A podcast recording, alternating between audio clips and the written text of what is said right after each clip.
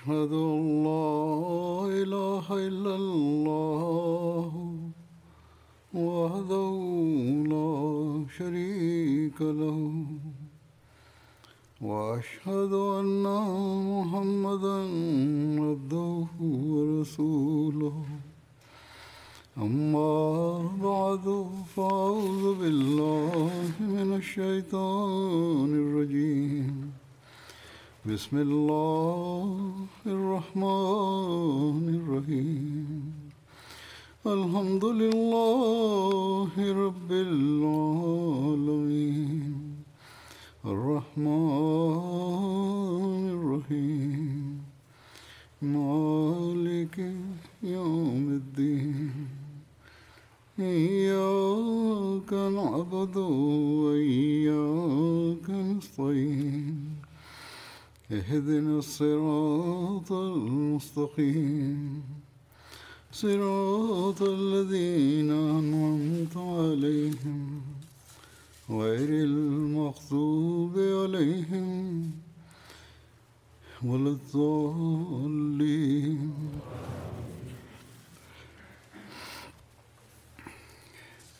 فبما رحمة من الله لنت لهم ولو كنت فظا غليظ القلب لانفضوا من حولك.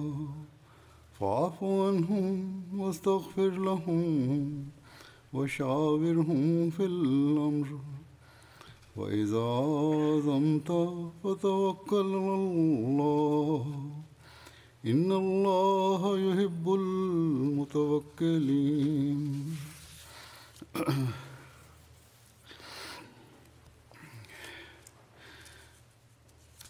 آیت کا ترجمہ ہے کہ بس اللہ کی خاص رحمت کی وجہ سے فبما رحمة من الله لنت لهم ولو كنت فظا غليظ القلب لانفضوا من حولك. فاعف عنهم واستغفر لهم وشاورهم في الأمر. فإذا عزمت فتوكل على الله. إن الله يحب المتوكلين.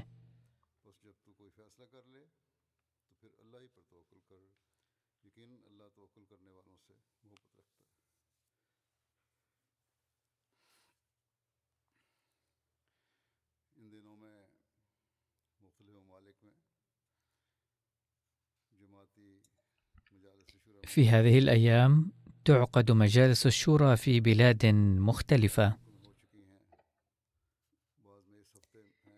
وقد انتهت فعالياتها في بعض البلاد وتعقد في بعضها هذا الأسبوع وفي بعضها الأخرى في الأسبوع القادم.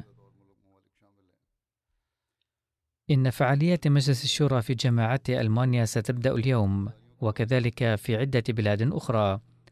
أما في بريطانيا فسيعقد مجلس الشورى في الأسبوع القادم وكذلك في بعض البلاد الأخرى. قد سبق أن وجهت أنظار أفراد الجماعة إلى أهمية مجلس الشورى ومسؤوليات أعضائه في بعض خطب السابقة. ولكن مضت عليها عدة سنين لذا رأيت من المناسب أن أقول شيئا حول هذا الموضوع طاعة لأمر الله وتأسيا بأسوة النبي صلى الله عليه وسلم وبحسب تقاليد الجماعة.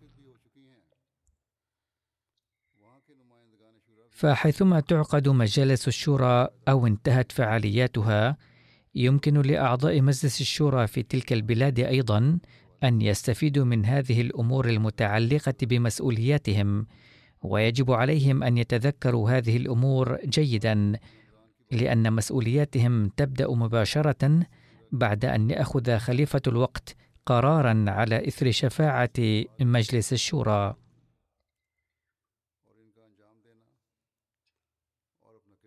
وإن أداء المسؤوليات بهذا الشأن واجب على كل عضو من أعضاء المجلس. قبل أن ألفت أنظار أعضاء مجلس الشورى إلى هذه الأمور أريد أن أقول شيئا في ضوء الآية التي استهللت بها الخطبة وسأتحدث قليلا عن أسوة النبي صلى الله عليه وسلم وعمله بهذا الشأن. ففي هذه الآية صدق الله تعالى أن النبي صلى الله عليه وسلم كان لين القلب إلى أقصى الحدود لأفراد الأمة برحمة من الله.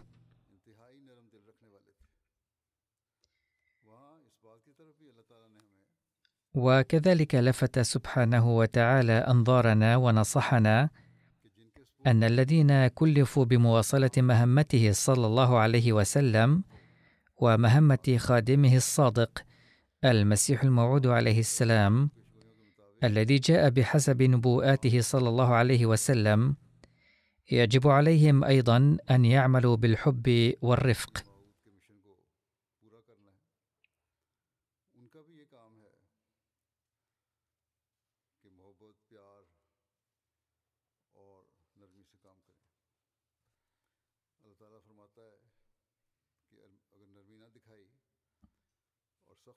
فيقول الله تعالى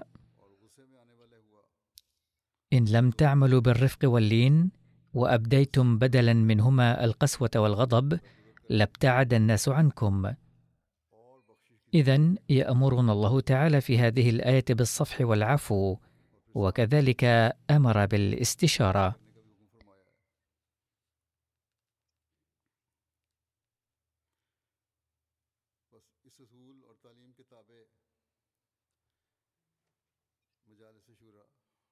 فيعقد مجلس الشورى بحسب هذا المبدأ والتعليم. وكما هو واضح من الاسم أن مهمة هذا المجلس هو تقديم المشورة فقط وليس أخذ القرارات. لذا قال الله تعالى للنبي صلى الله عليه وسلم إنما تقرره بعد الاستشارة فاعمل به متوكلا على الله.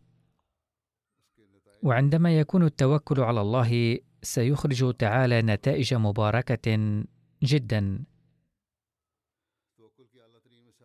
ونرى أعلى مثل للتوكل في شخص النبي صلى الله عليه وسلم مما لا شك فيه أن النبي صلى الله عليه وسلم كان يتلقى في أمور كثيرة تعليمات مباشرة من الله تعالى.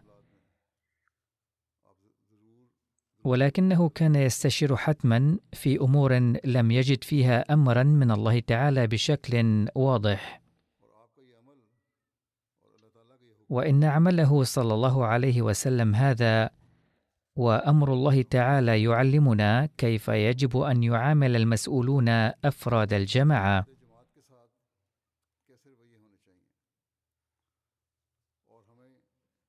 وأن علينا أن نعمل احمدیہ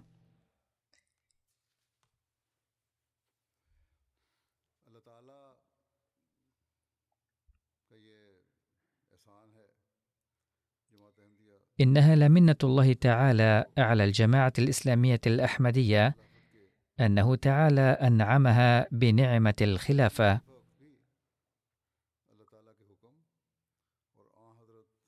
فيستشير خليفة الوقت أيضا فروع الجماعة المتوزعة على العالم كله طاعة لأمر الله وتاسيا بسنة النبي صلى الله عليه وسلم.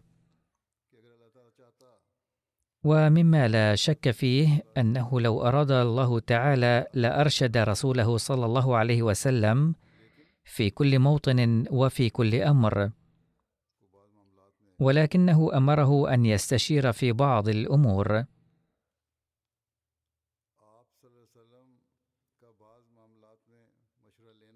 والحق أن الهدف من استشارته صلى الله عليه وسلم في بعض الأمور هو هدي لنا لنسلك صراطا مستقيما وأن نعمل بتعاون متبادل وكذلك لخلق الوحدة في الأمة.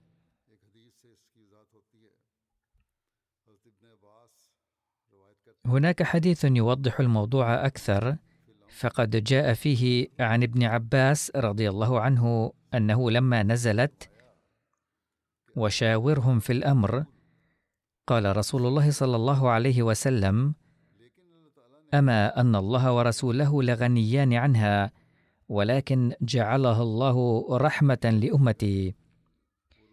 فمن استشار منهم لم يعدم رشدا ومن تركها لم يعدم غيا.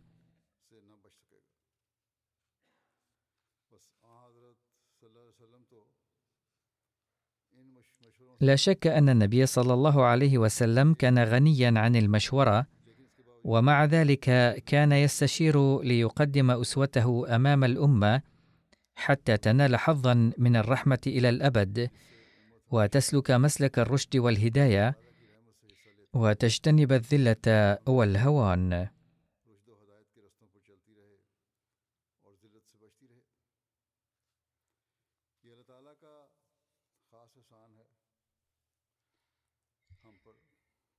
إنها لمنة الله تعالى العظيمة علينا أن نظام الشورى موجود في جماعتنا.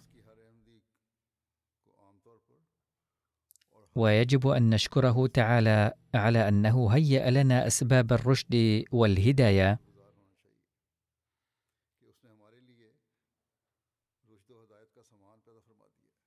والآن سأذكر ما يتبين من التاريخ بأية مناسبة استشار النبي صلى الله عليه وسلم وماذا كان أسلوبه في المشاورة.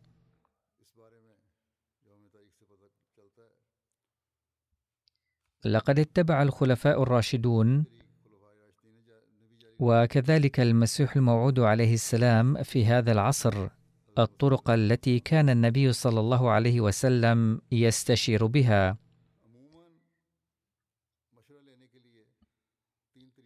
وعموما هناك ثلاثة طرق للاستشارة. أولها إن كان هناك أمر لا بد من الاستشارة فيه كان أحد الصحابة يعلن بين الناس للاجتماع وللاستشارة. فكانوا يجتمعون وبعد ذلك يتم التشاور وكان الرسول صلى الله عليه وسلم أو الخلفاء يأخذون القرار نظرا إلى المشورة المقدمة. ويعلنون أن هذا هو القرار الذي اتخذناه ويجب العمل به. ولأن النظام في ذلك الزمن كان قبليا فقد كانت القبائل تجتمع ويقدم سيدها الرأي وكان أبناء القبيلة يرضون بكل سرور أن يقدم زعيمهم أو رئيسهم الرأي نيابة عنهم.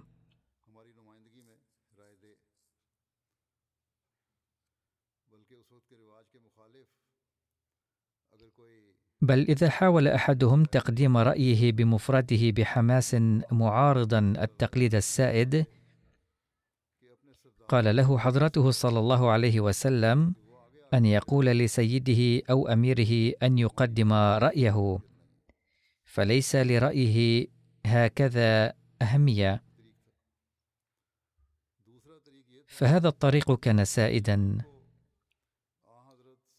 والطريق الثاني أن النبي صلى الله عليه وسلم كان يدعو للتشاور ممن رآهم أهلا للاستشارة. ولم يكن يدعو الجميع وكان يستشير بضعة من هؤلاء فقط.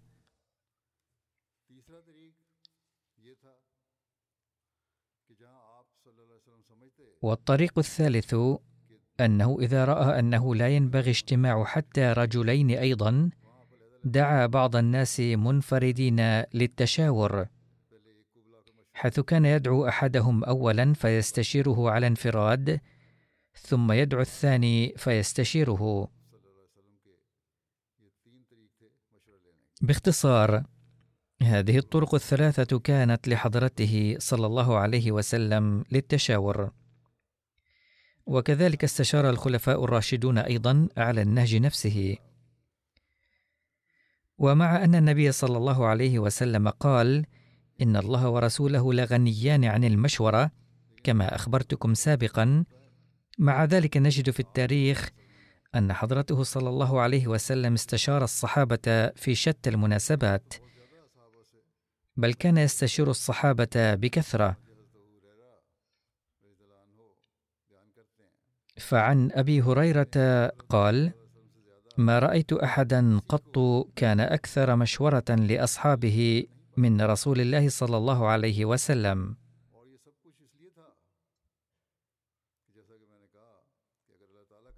وكل ذلك ليبين أنه إذا كان نبي الله الحائز على الترشيد المباشر من الله يستشير فكم حريا بكم أن تدركوا أهمية المشورة.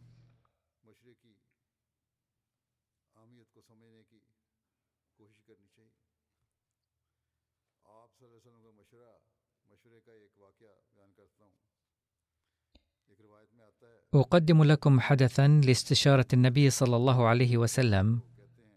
فقد ورد في رواية عن معاذ بن جبل قال لما أراد رسول الله صلى الله عليه وسلم أن يسرحني إلى اليمن دعا اناسا من أصحابه فيهم أبو بكر رضي الله عنه وعمر رضي الله عنه وعثمان رضي الله عنه وعلي رضي الله عنه وطلحة والزبير رضي الله عنهما وعدد كبير من الصحابة. فقال لهم النبي صلى الله عليه وسلم تكلموا. فقال أبو بكر يا رسول الله لولا أنك أذنت لنا بالكلام ما كان لنا أن نتكلم معك. فقال رسول الله صلى الله عليه وسلم إني فيما لم يوحى إلي كأحدكم.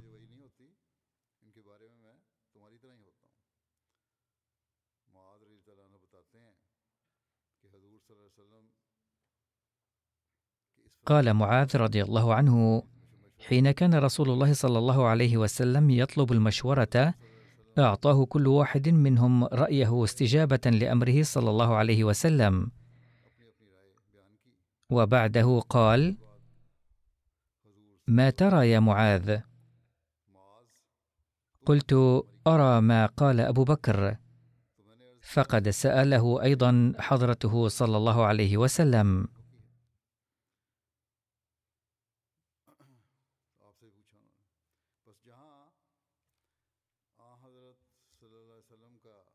فإذا كان فعل النبي صلى الله عليه وسلم هذا يبدي بساطته وتواضعه وأهمية المشورة ففي الوقت نفسه يشكل لنا أسوة حسنة أنه كم يجب أن نهتم بالمشورة. ويعلمنا أسوة الصحابة أنهم عندما كانوا يقدمون رأيهم بأمر من النبي صلى الله عليه وسلم فكانوا يشيرون عليه بحسب كفاءتهم وفي ضوء تجاربهم سالكين سبل التقوى.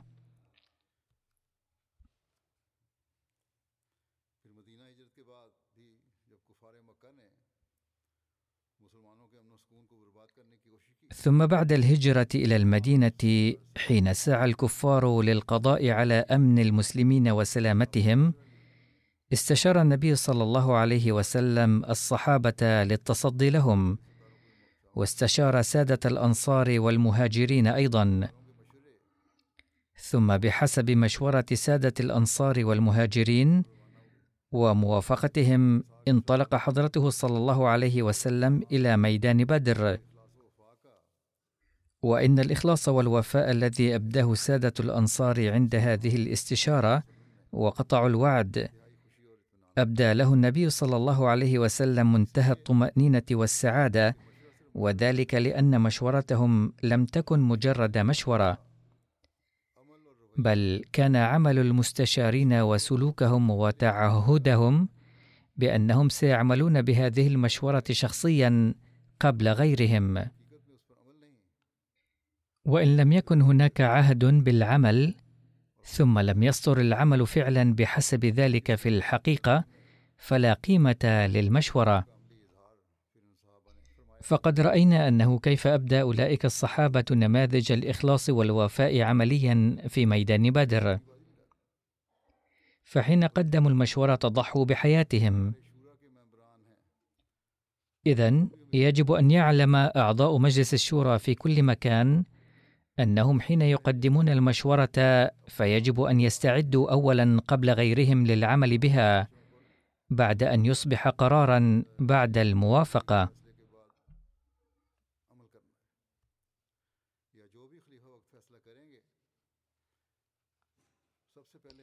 أو ينبغي أن يضعوا في الحسبان أن القرار الذي يتخذه خليفة الوقت فإنهم سوف يعملون به قبل غيرهم وسوف يقدمون كل تضحية من أجل العمل به.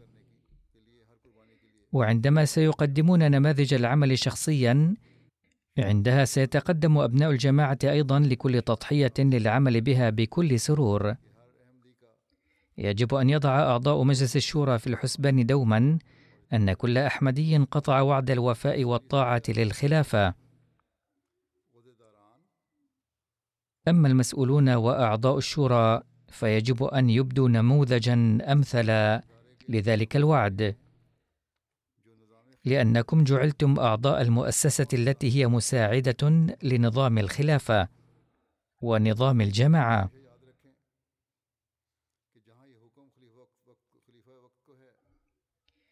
تذكروا دوما أن الخليفة إذا كان قد أمر بأن يستشير أفراد الأمة في أهم أعمال الدين عملا بسنة النبي صلى الله عليه وسلم وأمر كذلك بأن يدعو ويبقى لين القلب.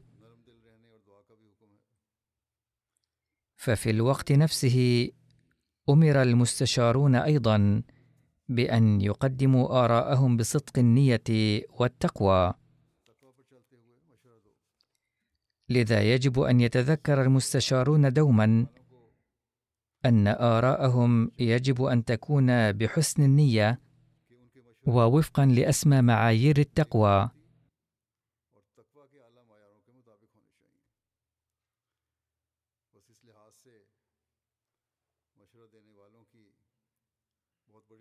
ومن هذا المنطلق تقع على المستشارين مسؤولية كبيرة أن يفحصوا ما هو معيار تقواهم.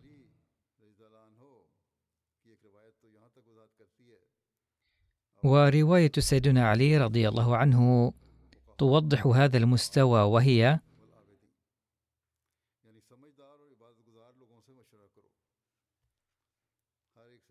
شاوروا الفقهاء والعابدين. وليس كل فلان وعلان فهذا هو معيار أعضاء مجلس الشورى الذين يمثلون الأحمديين في مناطقهم.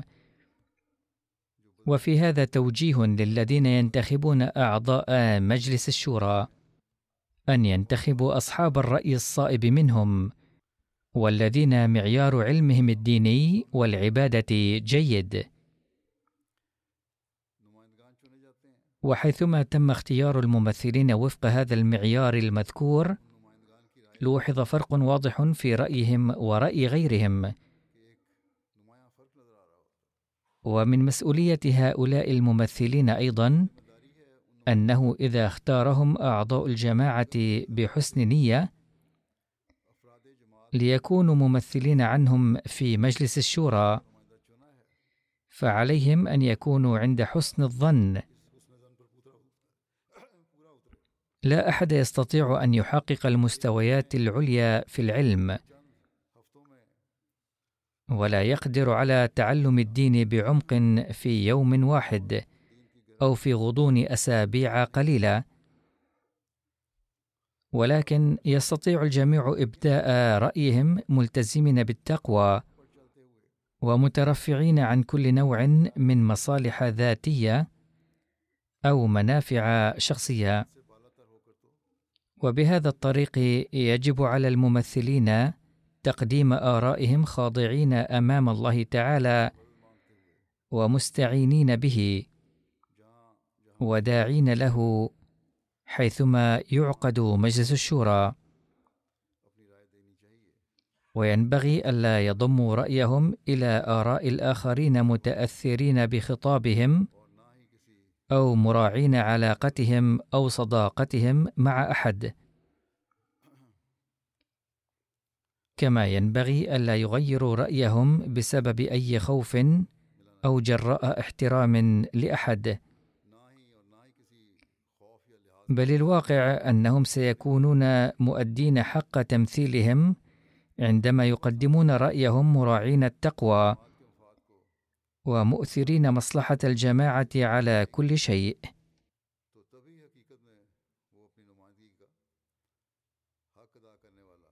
يجب أن نتذكر دائما أن الله تعالى يعلم حالة قلوبنا ويراقب كل أعمالنا.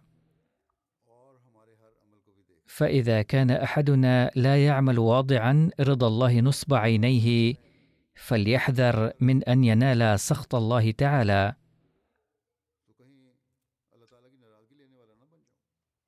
ويجب على أعضاء مجلس الشورى في البلاد التي تم عقد مجلس الشورى فيها أن يؤدوا حق عضويتهم بالتعهد بالعيش مراقبين نماذجهم العملية وحالتهم الروحانية والعملية.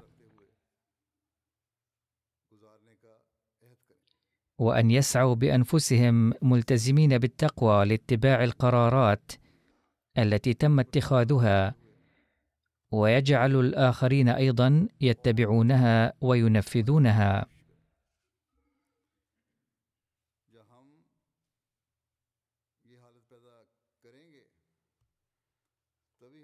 عندما نخلق هذه الحالة في أنفسنا نصبح من الذين يجذبون رحمة الله تعالى فتكون قراراتنا مباركة.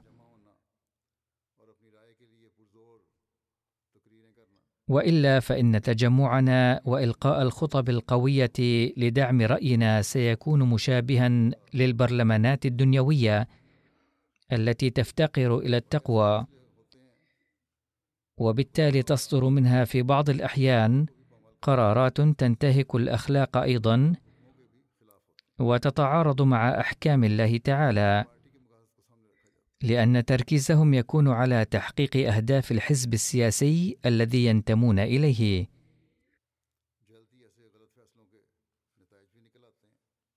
وتظهر بسرعة أحيانا لمثل هذه القرارات الخاطئة نتائج تقضي على الأمن والسلام.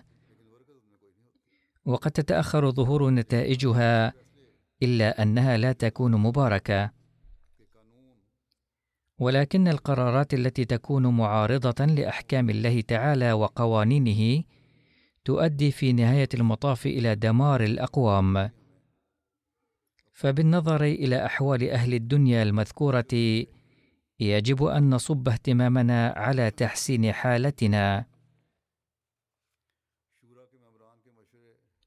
إن مشورة أعضاء مجلس الشورى تقدم لخليفة الوقت كما قلت، كما أن الخليفة هو من يأمر بعقد مجلس الشورى أيضًا.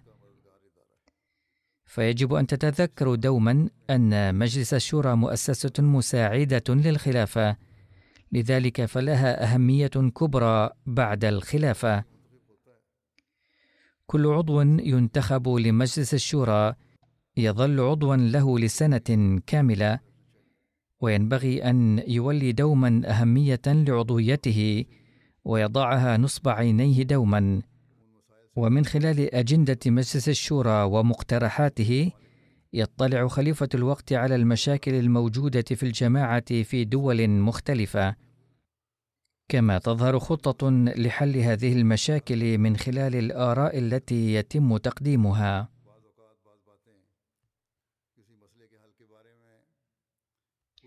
في بعض الأحيان لا يتم شرح بعض الأمور بالتفصيل الكامل حول حل مشكلة ما، أو لا يتم عرضها على أعضاء الشورى.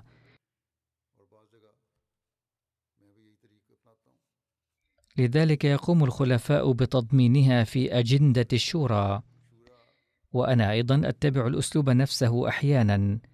على أي حال، يجب على كل عضو من أعضاء مجلس الشورى أن يفهم أن له أهمية خاصة وأن هذه الأهمية ليست لمدة ثلاثة أيام فقط بل للعام بأكمله. فينبغي أن يتعاون مع نظام الجماعة بشكل كامل في تنفيذ أي خطة يتم وضعها في هذا الخصوص. بل هذه مسؤوليته.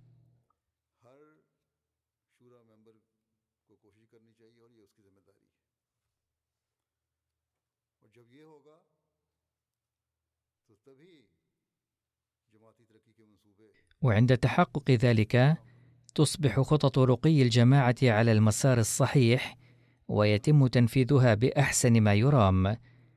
بهذا الشكل سنكون مساعدين ومعاونين في مهمة الرشد والهداية الموكلة للمسيح الموعود عليه الصلاة والسلام. ولكن إن لم يتم ذلك فلا فائدة من كونكم أعضاء مجلس الشورى.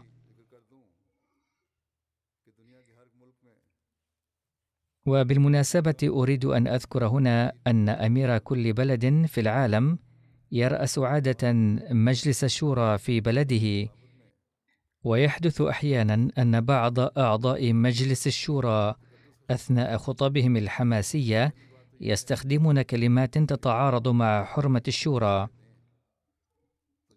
فالأمر الأول هو أنه كلما أبدى أعضاء مجلس الشورى رأيهم، فبدلا من إلقاء خطاب حماسي خال من الوعي والتفكير الرصين، عليهم أن يبدوه بكلمات مناسبة، وذلك لأن بعضهم عند إبداء رأيهم يتكلمون بأمور يرى بناء عليها أعضاء الهيئة الإدارية أو أمير الجماعة الذي ينعقد مجلس الشورى برئاسته أن صاحب الرأي يتحدث ضدهم بشكل مباشر أو غير مباشر.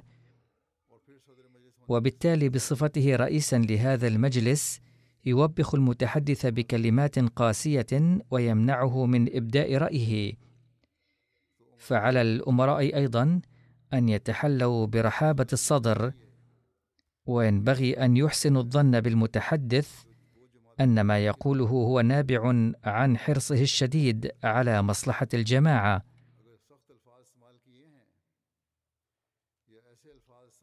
فإذا كان قد تكلم بكلمات قاسية أو استخدم كلمات تتعارض مع حرمة الشورى فيمكن تنبيهه بلطف. فلا تتصرفوا تجاهه بما يثير شبهات عن رئيس المجلس وكأنه جعل هذا الأمر مسألة تمس شرفه الشخصي. تظهر مثل هذه الكلمات الحماسية أكثر وبشكل خاص أثناء النقاش حول الميزانية كما يتم إبداء بعض التحفظات أيضا بهذه المناسبة. وفي مثل هذا الوضع أيضا يجب على السكرتير المعني أو سكرتير المال أو رئيس المجلس الاستماع إلى المتحدث بصبر والرد على كلماته بكل حلم وينبغي طمأنته من خلال الشرح لنوعية الميزانية التي يتم إعدادها وبيان موارد الدخل فيها وتوضيح نفقاتها وبالتالي كيف يمكن اعتبارها ميزانية جيدة وذلك لأن المتحدث إنما يتحدث حسب سعيه مراعيا مصلحة الجماعة. لذلك يجب ألا يساء به الظن.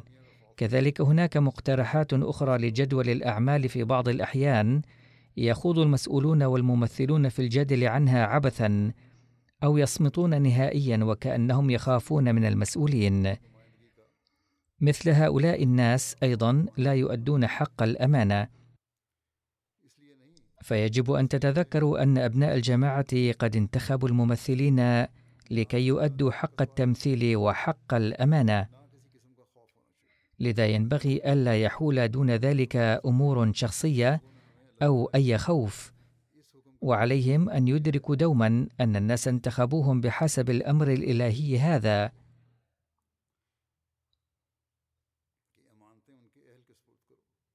أن تؤدوا الأمانات إلى أهلها.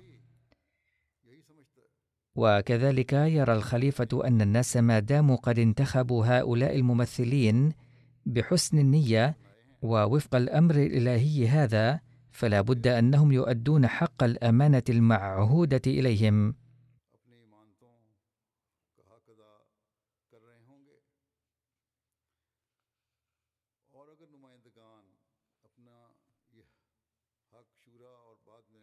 وإذا كان الممثلون لا يؤدون واجبهم في مجلس الشورى ولا بعد ذلك فهم يمسون بثقة أبناء الجماعة بهم. كما يرتكبون الخيانة مع الخليفة أيضا لعدم أدائهم حق الأمانة المعهودة إليهم.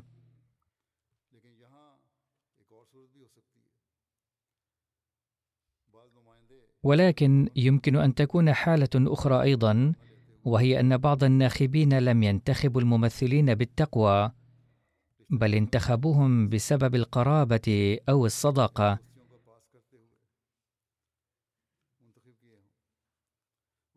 وإذا كان كذلك فهؤلاء الناخبون مذنبون بسبب عملهم هذا وقد أخطأوا إذ لم يؤدوا حق الأمانة. فعليهم أن يستغفروا كثيرا.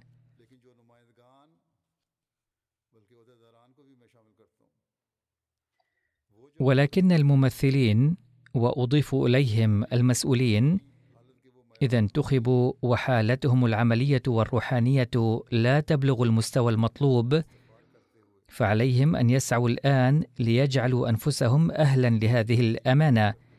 مستغفرين الله وعازمين لإحداث التغيير الحسن في حالتهم وباذلين جهدا جهيدا للسلوك على دروب التقوى.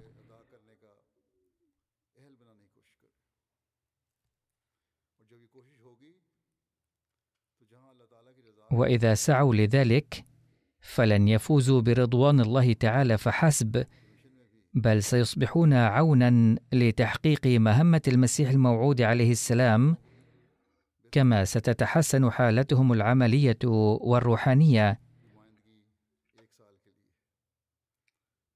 وكما قلت فإن هذا التمثيل يكون لسنة واحدة. وفي هذه الفترة عليهم أن يتعاونوا مع المسؤولين كما يعمل هم أنفسهم بالقرارات ويجعل الآخرين يعملون بها. ولذلك عليهم أن يراقبوا دوما ما إذا كانت جماعتهم المحلية تعمل بهذه القرارات أم لا. وإلى أي حد تعمل بها؟ وهل يعمل بحسب ما قرر الخليفة؟ هكذا تصبحون أعوانا للخليفة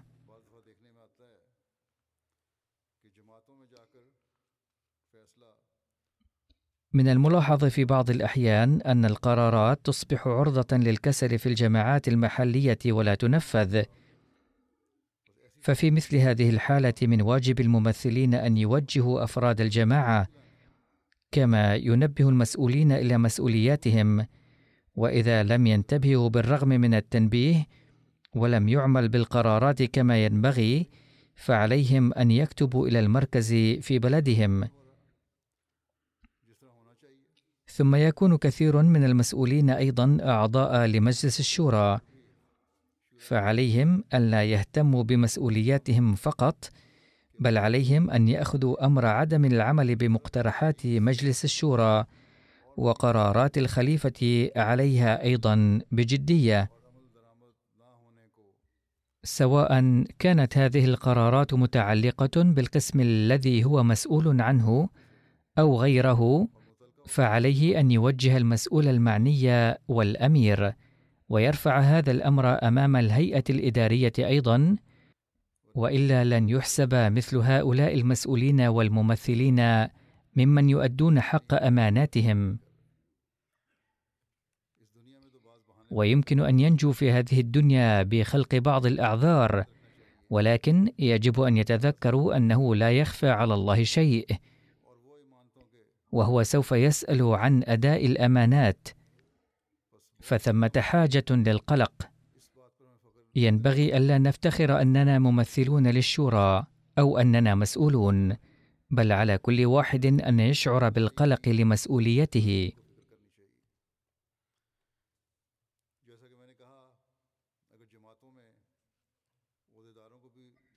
وكما قلت إذا كان ممثلو الشورى يوجهون المسؤولين في الجماعات المحلية وبالرغم من ذلك لا يعمل بقرارات مجلس الشورى فعليهم أن يكتبوا للمركز.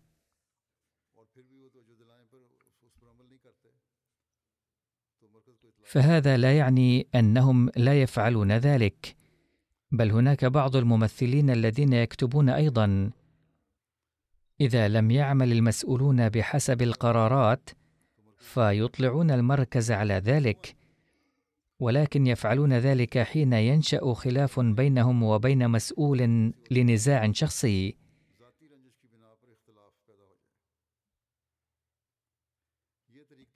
هذا الطريق ليس من التقوى.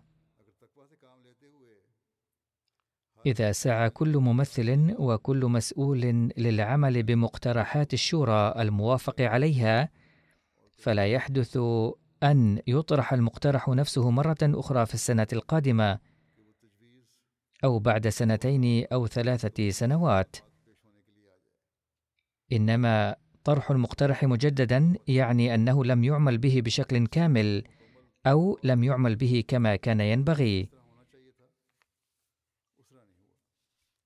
لذا على مثل هذه الجماعات أو المسؤولين أن يفكروا هل هذا عمل أولئك الذين يسلكون على دروب التقوى ويؤدون حق الأمانة؟ هل هذا العمل يتوافق مع تحقيق عهد الطاعة للخلافة والوفاء بها؟ إن فروع الجماعة في البلد إنما ترسل هذه المقترحات مجددا حين ترى أنه لم يعمل بها فلو كان قد عمل بها وكان روقب على كل مستوى في كل جماعة وإلى أي مدى عمل بهذه المقترحات. فما كانت لتطرح مرة أخرى وما اضطر مركز الجماعة في تلك الدولة ليرسل تلك المقترحات إلى الخليفة مع ملحوظة أنها كانت قد رفعت قبل سنة أو سنتين. لذا لا نشفع لعرضها في مجلس الشورى مجددا.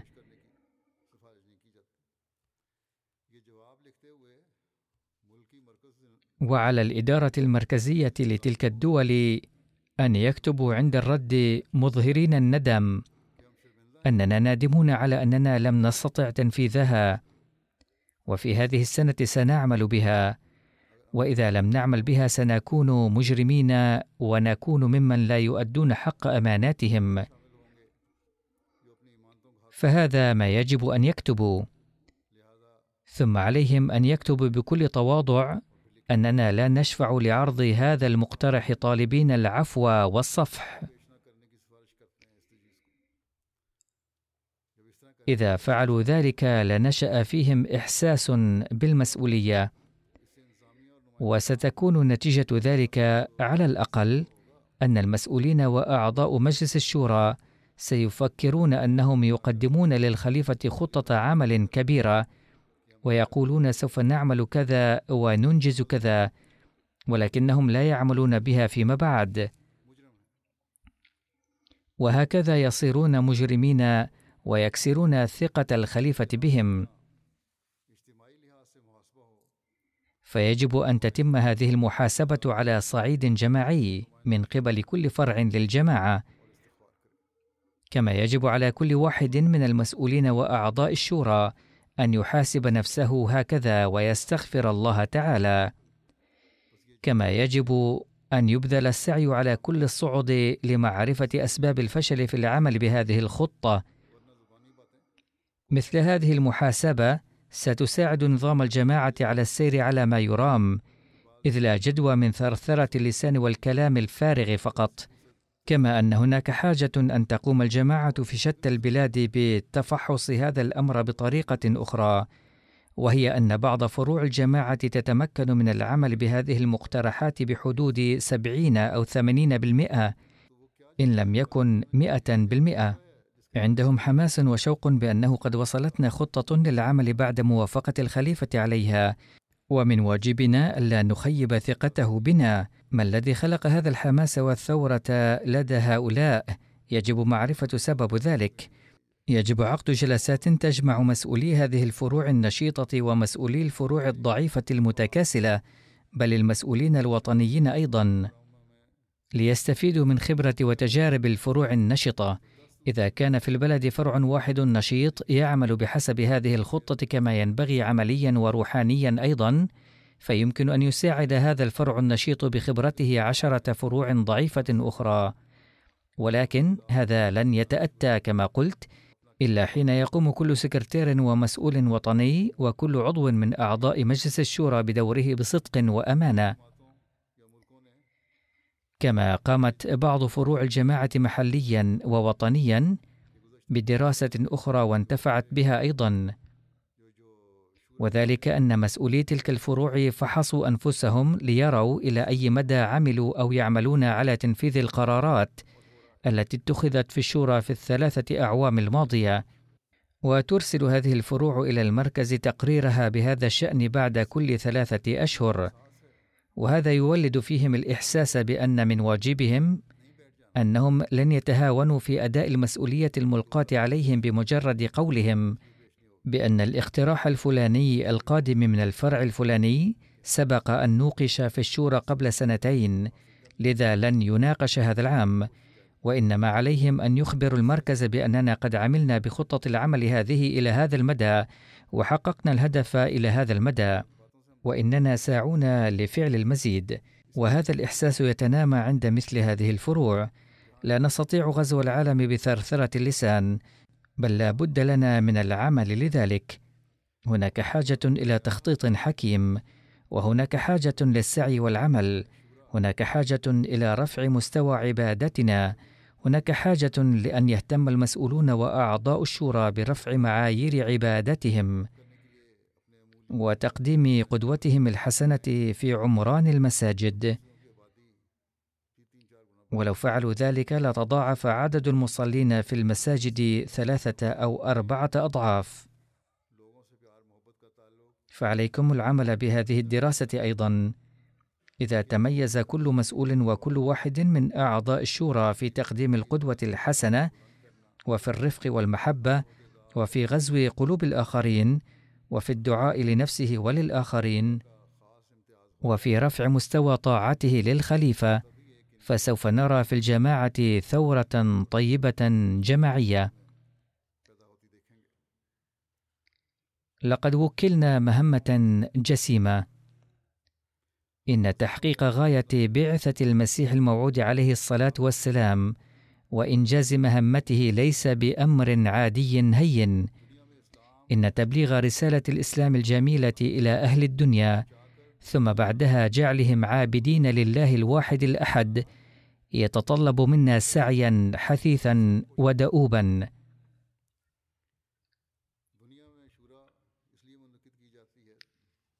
يعقد مجلس الشورى في الجماعة في كل البلاد بهدف أن نخطط من أجل إصلاح حالتنا العملية. ومن أجل تبليغ رسالة الإله الواحد ولجعل العالم أمة واحدة ولجمعهم تحت راية رسول الله صلى الله عليه وسلم لنحدث الثورة في العالم وتذكروا دائما أن إنجاز هذا المشروع يتطلب المال أيضا لذا يجب أن تجعلوا من الميزانية المالية بحيث ننجز الكثير بإنفاق القليل.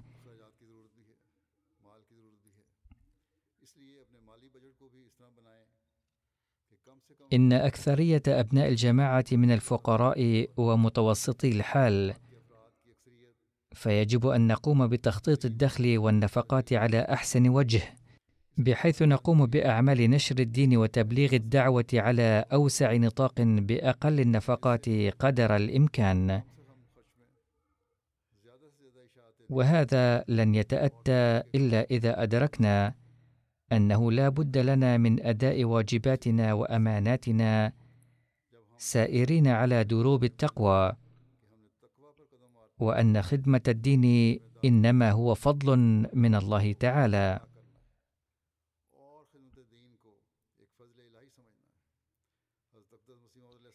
يقول المسيح الموعود عليه السلام وهو يوصينا بالسير في سبل التقوى. قال الله تعالى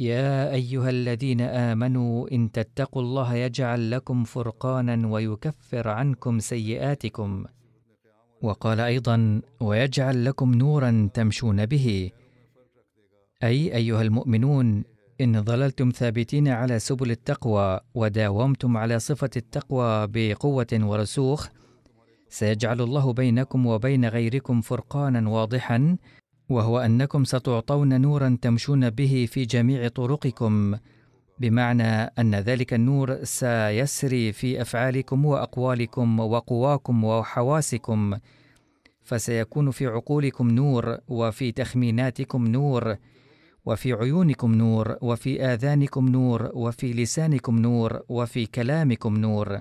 وفي كل حركة لكم نور وفي كل سكونكم نور. وستصبح الطرق التي تسلكونها نورانية. باختصار ستملأ كافة قواكم وحواسكم نورا وستمشون في النور كليا. وفقنا الله تعالى لأن نؤدي واجباتنا سالكين دروب التقوى ويستر أخطاءنا وتقصيراتنا وضعفنا وينعم علينا بأفضاله دائما.